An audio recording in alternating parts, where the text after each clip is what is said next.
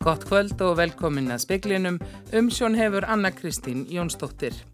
Forstjóri bankasíslu ríkisins ítrekkar þá skoðun sína að útbóðið á hlut ríkisins í Íslandsbanka í fyrra hafi verið eitt farsælasta hlutafjárútbóð Íslandsögunar. Kvorki skýrsla fjármála eftirlitsins nýja ríkisendur skoðuna breyti því. Orkuveita Reykjavíkur vil kannakosti þess að reysa alltaf 400 megavatta vindorkuver á þremur stöðum við hellisheiði. Vindmillutnar gætu orði 20 talsins. Öllum nýju starfsmönnum flugakademíunar í Reykjanesbæ hefur verið sagt upp. Umbóðsmaður skuldara telur að tryggja þurfi í lögum ekki sétt að selja eignir á nauðungaruppbóði fyrir brot af markasverðið þeirra og veður viðvarnir eru gildi í 14 ríkjum í sunnanverðum bandaríkjunum vegna hitabilgju. Jón Gunnar Jónsson, forstjóri banka Síslu Ríkisins, er meðal þeirra sem komu á fund efnags og viðskiptanemdar alþingis í dag þar sem fjalla var um brot Íslandsbanka við sölu meðferð á egna hluta Ríkisins í bankanum. Jón Gunnar saði standa við fyrir orðsinum að útbóðið hefði verið eitt að farsælasta í Íslandsögunni og bendi á að í sambærlegum útbóðum í Evrópu hefði fengist lægra verð en fjekst í útbóðið á hlutabrifum í Íslandsbanka varpa brot Íslandsbanka ekki skugga á það? Svo niðurstaða mín að þetta er eitt farsalasta, farsalasta hlutafjörður út á Íslandsfjörðuna, eitt af farsalasta í Evrópu á síðustu 12-15 mánuðum breytir ekki þeirri niðurstöðunni. Ég líkti bara fjárhanslega niðurstöðu útbóðsins, hvaða verði við náðum með við hvernig staða var á mörgum og mér finnst það reynda bara mjög viðunandi árangur og það er ekkert sem breytir því sem kemur fram í skýslu eh, fjármálættilsins eða náttúrulega ríkisendur sem breytir þessari skoðuminni. Þrátt fyrir að bankastjóra verður þetta að segja af sér vegna brota tengda útbúðinu, þrátt fyrir mögulegt or, orðspórstjón sem bankinni voru þá, þá skiptir það engum máli í samverði? Ég held að það sé mjög mikilvægt að gera sér grein fyrir því að þau brot sem bankin viðkennir, að þau ná til fjárfæstavendar. Okay? Og það sem gerist er það að það sem útbúðsverðið í tilfelli Ísabanka það fjall ekki heldur hækkaði og var stöð meðal annars vegna þess að við náðum með mjög háu hlutvalli af langtíma fjárfjöfustum inn í útbóðið að ef það ekki hefði raungest og verðið fallið þá hefði náttúrulega ég aldrei sagt að útbóðið hefði verið farsað.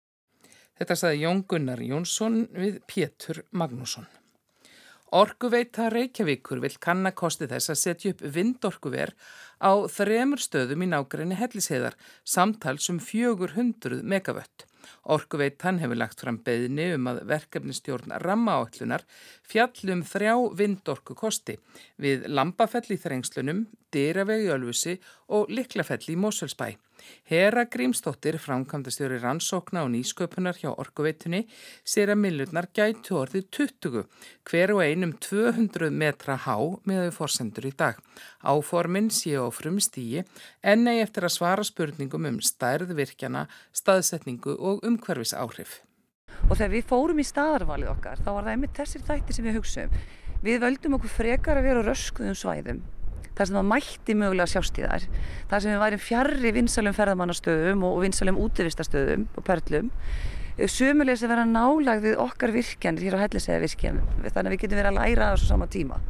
Þannig að þetta er eitt af þeim bara stóru spurningu sem við þurfum að svara í næsta fasa verkefnisins með sínileikamyndum og ásýndamyndum. Það er alltaf einhver sínileiki en okkar markmið er að, að lámarka sínileika eins mikið við getum. Sagði herra Grímsdóttirs Öllu starfsfólki flugakademíunar í Reykjanesbæ hefur verið sagt upp.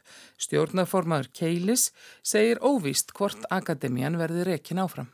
Samþygt var á fundi stjórnar Keilis í morgun að þrjú félög skildu saminuð. Undir félögin Flugakademían og eignarhaldsfélagin byggingu Keilis renna þannig inn í móðurfélagið Keili. Í kjölfarið var öllum starfsmunum Flugakademíunar sagt upp. Þeir voru alls nýju talsins, átta lausránir og einn fastráðin. Jón Björgvin Stefansson er stjórnarformaður Keilis. Samlega þessu þá ákváðum við að losa þá samninga sem eru, þessa, þessa lausálusamninga og þennan fastrána á meðan að við erum að skoða sagt, hvaða möguleikar eru til framtíðar, hvort þetta rennur inn í móðufélagið og, og hvernig þetta verður þá reiki til, til, til framtíðar. Jón segir að eins verður skoða hvort aðrir vilji taka við rekstrinum, verður sé að skoða stöðuna og koma rekstrinum í skinsamlegra horf. Fyrsta skrefið hafi verið að losa samninga við starfsfólkið. Það er alveg ljóst að reksturinn er erfiður, en það er ekkert að leina því, hún er það bara og við erum bara að skoða hvaða möguleikar eru og það getur vel verið að, að félagi verði bara auglýst og, og, og þá séu hvort það séu eitthvað aðrir sem hafa áhuga á því að koma að þessu þannig að, að hérna, þetta er svona svolítið öðruvísi rekstur heldur en almennt er í skólakerfinu og, og hérna önnur verkefni sem keilir er að sinna. Sagði Jón Björgvin Stefánsson, Rebecca Líf Ingadóttir talaði við hann. Eldur í tveggjahæði timburhúsi við Blesugrófi í Fossvogi í Reykjavík í gær kviknaði út frá Ramags hlaupahjóli sem var í hleðslu. Þetta er niðurstaða tæknideldar lögreglu sem rannsakaði vettvang brunans í dag. Mikill viðbúnaður var vegna eldsfóðans í gær, slökkuliði var þar að í rúmlega 6 klukkustundir. Þetta er ekki fyrsta sinn sem eldur kviknar út frá rafhlaupahjóli. Slökkuliði hefur varað við því að fólk hlaði slík faratæki inni heima hjá sér. Húsið er gjör ónýtt eftir brunan. Ekki er tímabært að fagna þótt verðbolga sé í fyrsta skipti í heilt ár komið niður fyrir 9% að dómi Katrínar Ólafsdóttur dósens í Hagfræði við viðskiptöld Háskólans í Reykjavík. Hún segir flesta vona að verðbolgan mingi áfram en stilla verði væntingum í hóf. Ólíklegt sé að stýrivakstir verði lækkaðir á næsta vaksta ákvörðandegi Sæðlabankans sem er í lok ágúst. Þetta gæti hins vegar hægt á hækkuninni. Við þurfum svona aðeins að býða með fagnæðaleitin þánga til eh, lengra eh, svona líður á þánga til við sjáum eitthvað trend og þá kannski þurfum við að býða í svona eða stöðuleikun 2-3 mánuði þá myndum við meta það svona að við værum á réttir leið. En einn mánuður ég set svona aðeins fyrirvara við að meta of mikið hvað hann var þar. En hvernig sér þú fyrir því framaldið til dæmis út þetta ár? Við náttúrulega erum á vonast til að það fari lækandi verðbólgan og það spár miða við það að það verður komið hérna aðeins niður en við erum ekki að, ég heldur getum ekkert búist við mikill í lækkun. En hvað er það sem kemur helst í vekk fyrir það að verðbólgan geti lækka meira? Það er í rauninni svona eh, dálti heimatilbúin vandi vegna þess að nú er ekki gengi sem er að tröfla okkur eins og oftast eh, það er ekki olíuverðið sem er að hækka heldur er þetta meira svona innanlands við sjáum það mjög mikil almenn hækkun á öllum undirliðum, eh, meira minn öllum undirliðum vísitölu nusluverðs og til dæmis bara matur og drikkjavörður hefur hækkað um 12% síðust 12 mánuði sem við náttúrulega finnum tölvört mikið fyrir. Saði Katrín Ólafsdóttir, Jóhanna Vigdís Hjaltadóttir talaði við hana. Að minnstakosti 11 léttust í miðborg Kramatorsk í Ukrænu í árás Rúslandshers í gerkvöld. Borgarstjórið Kramatorsk staðfestir þetta við ukrænska miðla. Árásinn var gerð á stóran og vinsælan veitingastað í miðborginni. Á meðal þeirra sem dó eru 14 ára tvíbörasistur og 17 ára stúlka. 61 særðist og óttast er að fólk sé enn grafið í rústunum. Fyrir í dag var tilkynnt að rétt, skrifstofu réttindagæslumanns fallasfólks hefði verið lokað vegna manneklu og sumanleifa málirðu afgreitt eftir verslunumannahelgi en þessu hefur nú verið breytt. Þú hefur náð sambandi við skrifstofu réttindagæslumanns fallaðs fólks.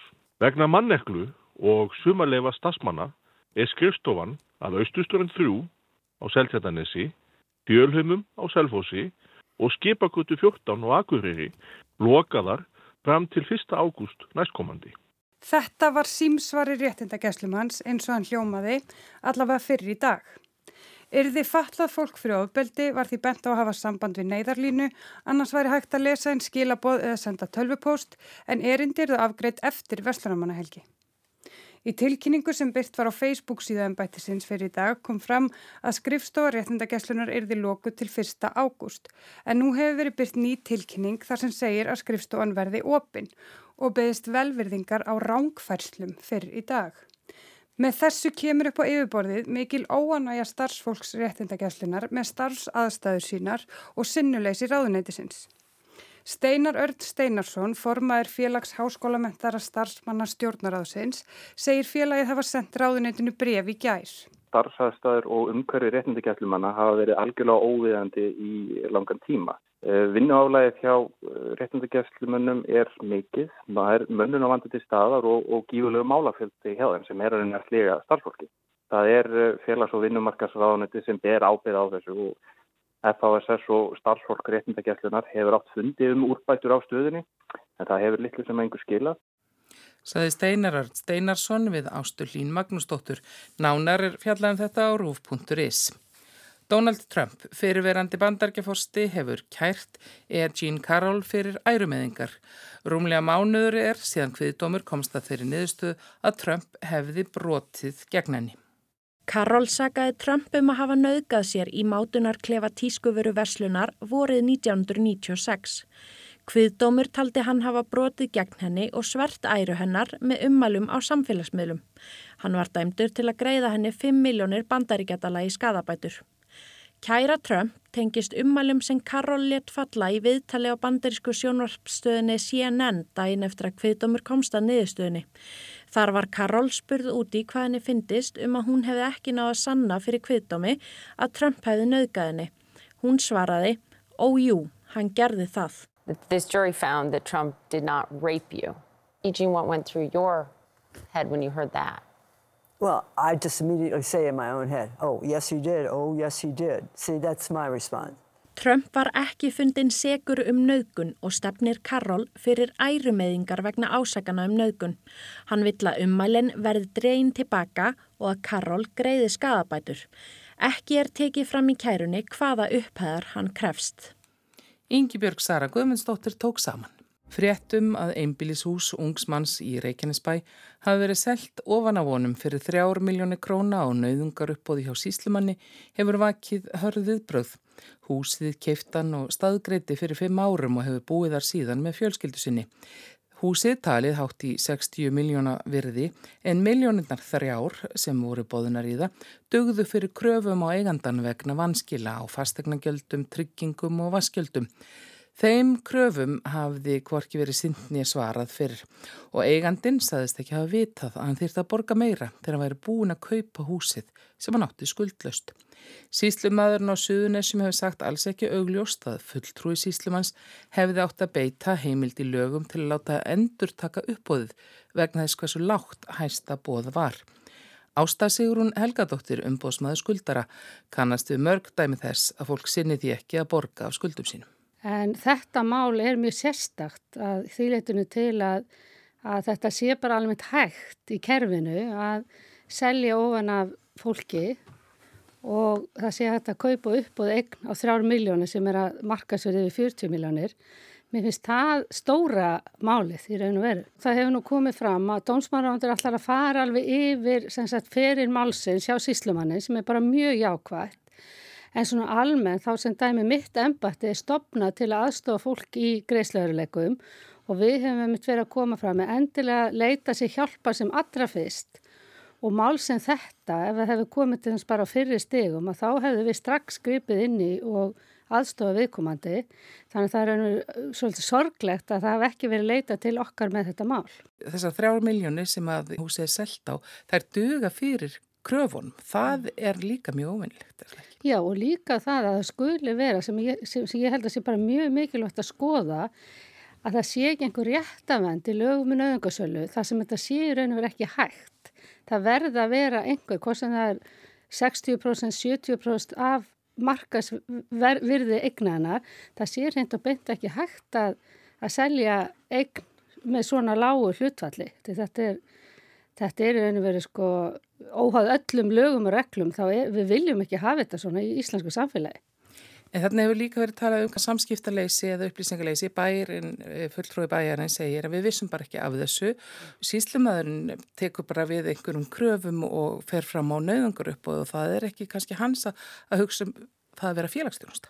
Algjörlega. Og þar eru líka komin á okkur atrið sem er bara personu vend og fríðhelgi enga lífs og, og annað sem að veru líka að venda en á sama skapi þá er líka bara umhjóðsuna getur við gert eitthvað til að bæta úr þessu þá með því að verða öll lög og reglur og að því að þetta, við þurfum oft kannski að grýpa inn í og þurfum að bara skoða þetta, veist, við viljum ekki að svona tilvik bara komi fyrir í okkar samfélag. Mér setja að vera svolítið svona líka samfélagslega spurning að því við erum kannski svolítið svona má segja, veist, það er nauðingarsælir eitt og svo náttúrulega félagstónusta eitt að því að ef við horfum í þetta í starra samhengi það er ekki hagsmunni nefna að þessi einstaklingur enda göduna því það er náttúrulega líka skilda sveitafélagsins að sjá það honum fyrir húsnaði það er ekki hagsmunni nefna að og ég meina síslumar, ekki að hagsmunni hans að, að hann er bara að framfylgja lögum með nöðungasölu þannig að ég held að við þurfum bara að horfa þetta í starra samhengi.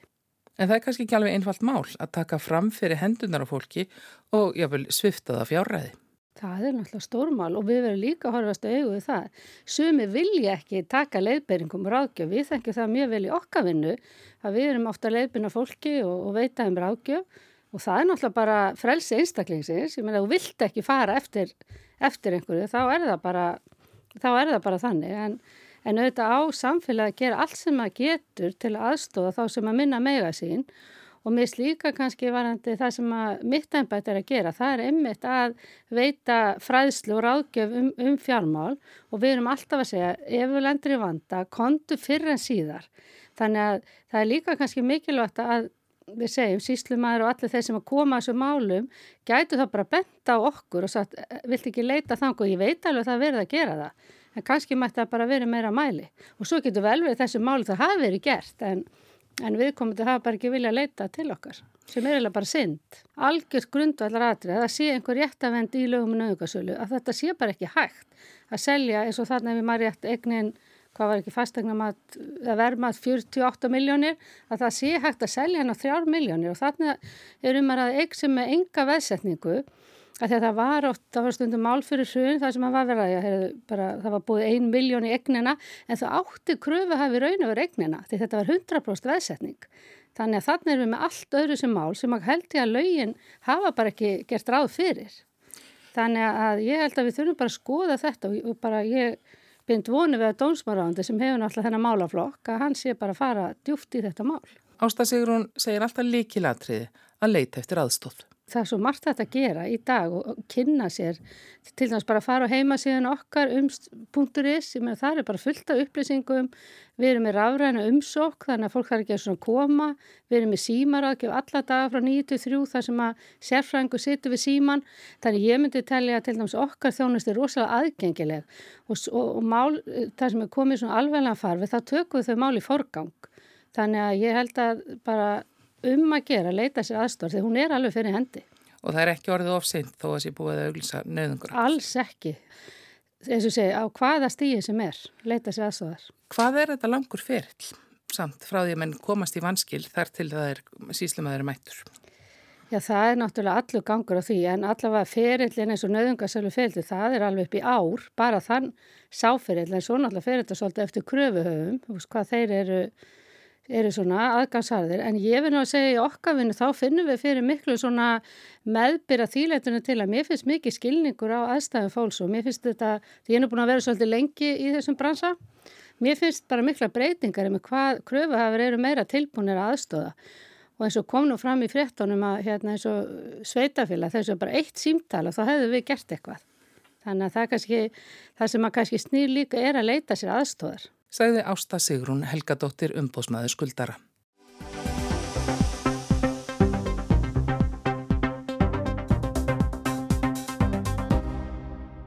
Veður viðvaranir eru í gildi í 14 ríkjum í suður hluta bandaríkjana, allt frá Arizona í suðvestri til Alabama í suðaustri. Verst er ástandið í mið og suður hluta Texas, ástand neðri hluta Mississippi dals að sögnu veðurstofunar vestra. Hittinn fór í 46 stíg í gær og útlitt var fyrir að hann erði svipaður í dag og næstu sólarringa. Næturnar eru sagðar óvægnu slæmar vegna mikils raka. Talið er að um 75 miljónir landsmanna verði fyrir barðinu og þessari skæðu hittabilgju. Littlar líkur eru taldar á að drópi falli úr lofti í Texas fyrir í fyrsta lagi um helgina.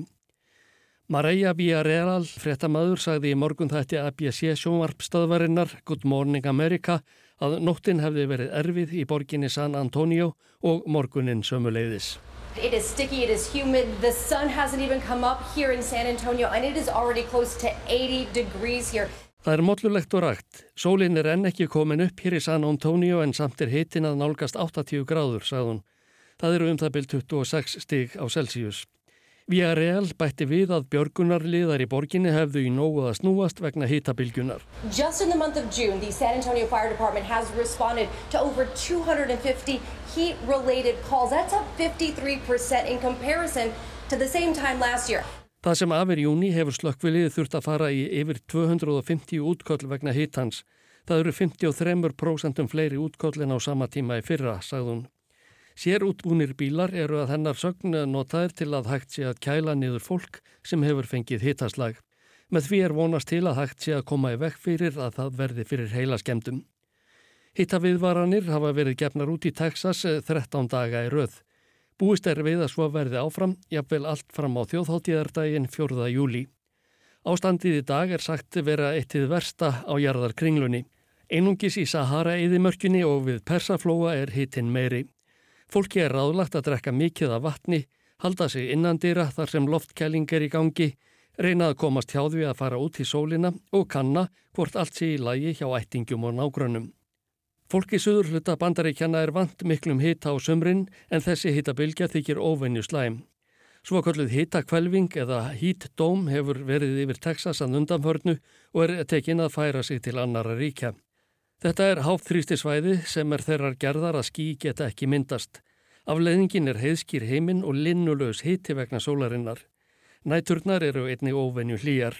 Meðal áhrifa á því er að fólk sem ekki hefur loftkælingu í svefnherbergjum sínum sefur verð en ella. Einn af afleðingum hitabilgjunar í suður hluta bandaríkjana er fyrna mikið álag og raforkukerfi ríkjana. Erkot, fyrirtæki sem hefur umsjón með mest allir í raforku framleiðslu í Texas, gaf fyrir vikunni út viðvörun. Þar voru raforku notendur, jamt fólk sem fyrirtæki, beðnir um að fara eins sparlega með rafmagn og kostur er. Ella kynni kerfið að brenna yfir með tilherrandi rámasleysi um óakveðin tíma. Annað sem frettamiðlar vestra hafa varað við er að hittinn veldur því að malbygg á vegum bólnar upp. Því er hætta á ferðum fyrir ökumenn ef þeir gæta ekki að sér. Hittabilgjani í söður hluta bandaríkjana er ekki það eina sem ángrar landsmenn í veðurfarslegu tilliti þessa dagana. Skóareldar í Kanada valda alvarlegri loftmengun í nokkrum miðríkjum landsins svo sem Illinois, Wisconsin, Michigan, Iowa og Ohio. Að sögni CBS frettastofunar var Chicago loftmengaðasta borg heimsins í gær með lélegu skegni og óþægjendum fyrir fólk sem var úti við. It's burning on the eyes and burning in the nose and I don't think this mask is even strong enough. Það svíður í augu og nef svo ég ákvaða að setja upp grímu, saði kona sem fréttamaður talaði við. Ég held samt að hún veit ekki nógu mikla vörn. Brandon Johnson, borgarstjóri í Chicago, sendi frá sér yfirlýsingu þar sem sagði að vandlega væri fylgst með ástandinu. Hann mælti með því að börn, unglingar, eldri borgarar, barnshafandi konur og fólk með hjarta og lungnasjúkdóma takmarkaði útíveruna meðan ástandið er sem verst. Ungverðusverndarsamtök Illinois ríkis gera ráð fyrir að aðstæður fara að batna síðdeis í dag. Ásker Tómasson sagði frá.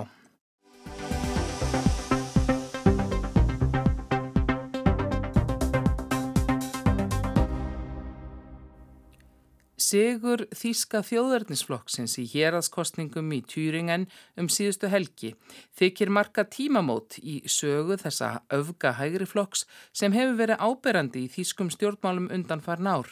Þetta var í fyrsta skipti sem flokkunum fekk reynan meiri hluta í svæðispundum kostningum nokkur staðar í Þískalandi. Flokkurinn hefur verið uppleið í skoðanakönnunum að undaförnu. Sankan þeim virðist hann verð njóta meira fylgis en sósjaldemokrater flokkur Ólaf Sjólds kanslara Þískalands. Kostningasígurinn vannst í Sonneberg, litlu héræði eða landkræs eins og það er kallað á Þísku í suður hluta Turingen. Og stuðningsmenn flokksins AFD eða Alternative for Deutschland fögnuðu innilega þegar úslitin voru ljós. Frambjöðandi AFD Robert Sesselmann fekk tæplega 53% atkvæða í setni umferð kostningana. Der Landkreis Sonneberg schreibt Geschichte. Die AfD ist nunmehr als Volkspartei hier im Kommunalbereich in Thüringen und auch in der Bundesrepublik Deutschland angekommen. Þetta er söguleg stund. AFD er orðin að flokki fólksins hér í Turingen og líka í Þýskalandi öllu, sagði Sesselmann, sigur reyfur í viðtali á sunnudaginn. Og það er aðteglisvert að hann notaði orðið Volkspartei, flokkur fólksins, hugdag sem hinga til að minnstakosti hefur aðalega verið notað yfir stóru flokkana tvo í þýskum stjórnmálum, SPD, Sósialdemokrata og CDU, Kristilega Demokrata. Frambjóðandi CDU í Sonnenberg, Jürgen Köpper sem tapaði fyrir Sesselmann var ómyrkur í máli. Kostningarnar á sunnudaginn snýrust um flokkapolítík á landsvísu og óanægi með núverandi ríkistjórn Þískalands, sagði hann. Es ist eine reine Parteienwahl geworden und was uns auf die Füße gefallen ist, ist wirklich die unsägliche Politik der Bundesregierung. CTU, kristilegir demokrater, eru nefnilega í stjórnarandstöðu núna á þinginu í Berlín. Og það eru vissulega vísbendingar um vaksandi óanægu kjósenda með ríkistjórn Tískalands þar sem sósjaldemokrater leiða í bandalegi með græningum og FDP frjálslindum demokratum. Leðtóðarnir þar virðast ekki vera mjög samstiga þegar hafa deilt um innflytjandamál, stuðningin við Úkrænu og aðgerðir í umhverfismálum. Nú síðast um áformum að banna uppsetningu nýra húsheitunarkerfa sem nota jarðefna elsneiti. Fylgi stjórnarflokkana og reyndar kristilegra demokrata líka hefur verið á hægri niðurleið síðustu mánuði í skoðanakonunum á meðan fylgi AFD hefur verið á uppleið. Í konnun sem að gerð fyrir nokkrum dögum meldist fylgi AFD 20% á landsvísu, tveimur prosentustugum meira en fylgi sósjaldemokrata flokks Olaf Scholz sem er kanslari Þýskalands. AFD eða Alternative for Deutschland var til árið 2013 og var í upphafi tilturulega hófsamur hægri flokkur, ekki ósvipaður kristilegum demokratum með stefnumála á borðið anstöðu við upptöku Evru í Þýskalandi og með evasemtur um aukna samþættingu á fórsendum Evrópusambandsins. AFD færðist síðan lengra til hægri, ekki síst eftir að meirinn miljón flótamenn komu til Þýskalands um miðjan síðasta áratug og það var meðal annars ástæðan fyrir því að í þingkostningunum í Þískalandi 2017 náði flokkurinn inn 94 fulltrúum og var þá þriði stæsti flokkurinn í Þískalandi. Hinnir stóru flokkarnir hafa mestuleiti saminast um að hundsa AFD, ekki aðeins á landsvísu heldur einni í svæðisbundnu samstarfi. Kostningarnir í Sonnenberg voru gott dæmi eftir fyrri umferð þar sem Sesselberg frá AFD og Köpper frá Kristilegum Demokrátum stóðu eftir. Þá ákvaðu fulltrúar sósjaldemokrata, græningja og frjáslindra demokrata að styðja Köpper sem þó dugði ekki til. Björn Höcke leiðir AFD í Turingin og er reyndar einn af leiðtóum flokksins á landsvísu. Hann segir að kostningarnar á sunnudaginn hafi sínt almenningi hvernig gömlu flokkarnir hafi rottað sig saman. Það sé ekki eitthvað sem íbúðarnir þarna vilji. Ich glaube, die, der, der Stichwahlkampf, der geführt worden ist, wo die Menschen nochmal gemerkt haben, dass sich hier die Altparteien zu einem Kartell zusammengeschlossen haben, das möchten die Menschen nicht gerade auf dem Gebiet der ehemaligen DDR. Thüringen er nefnilega hluti af því sem einu sinni var Östur Þískaland og þar hefur AFD átt hljómgrunn af margvíslegum ástæðum. Die Brandmauer steht. Für uns gibt es keine politische Zusammenarbeit mit der AfD. Hier in den kommunalen Fragen wird es sicherlich alle Parteien betreffen, dass sie irgendwie das Gespräch zu den kommunalen Themen, zum Fußgängerüberweg, zur nächstgelegenen Feuerwache, ähm, zu diesen Fragen das Gespräch suchen müssen. En múrin gegn AFD stendur óhaggaður, segir Mario Saitsa, framkvæmdastjóri kristilegra demokrata á landsvísu. Við ætlum ekki í samstarfið AFD, Þótt í Sonnenberg þurfi fulltrúar í hérastjórnini að vinna saman að praktískum málum sem varða hag íbúana. Það eru minst tvö ári næstu þingkostningar í Þískalandi og það getur margt breyst á þeim tíma. Það þykir eins og að nokkuð ljóst að RIS Þíska þjóðurnisflokksins, AFD, meðal kjósenda, skýrist að miklu leiti af óanægið þeirra með núvarendi ríkistjórn.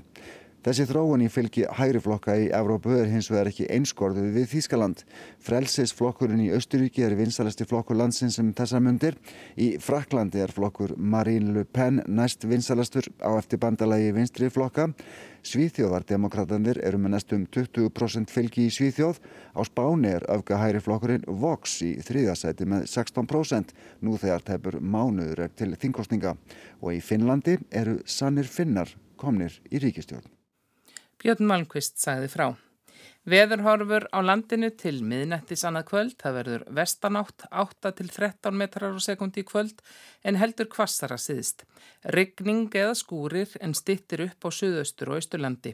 Vestleg átt 5 til 10 og víða skúrir á morgun, hítabilinu 8 til 16 stig og hlýjast verður suðaustanlands. Fleiri ekki speiklinum í kvöld, tæknimaður var Kormákur Marðarsson, Annalísa Hermannsdóttir stjórnaði útsendingunni, veriði sæl.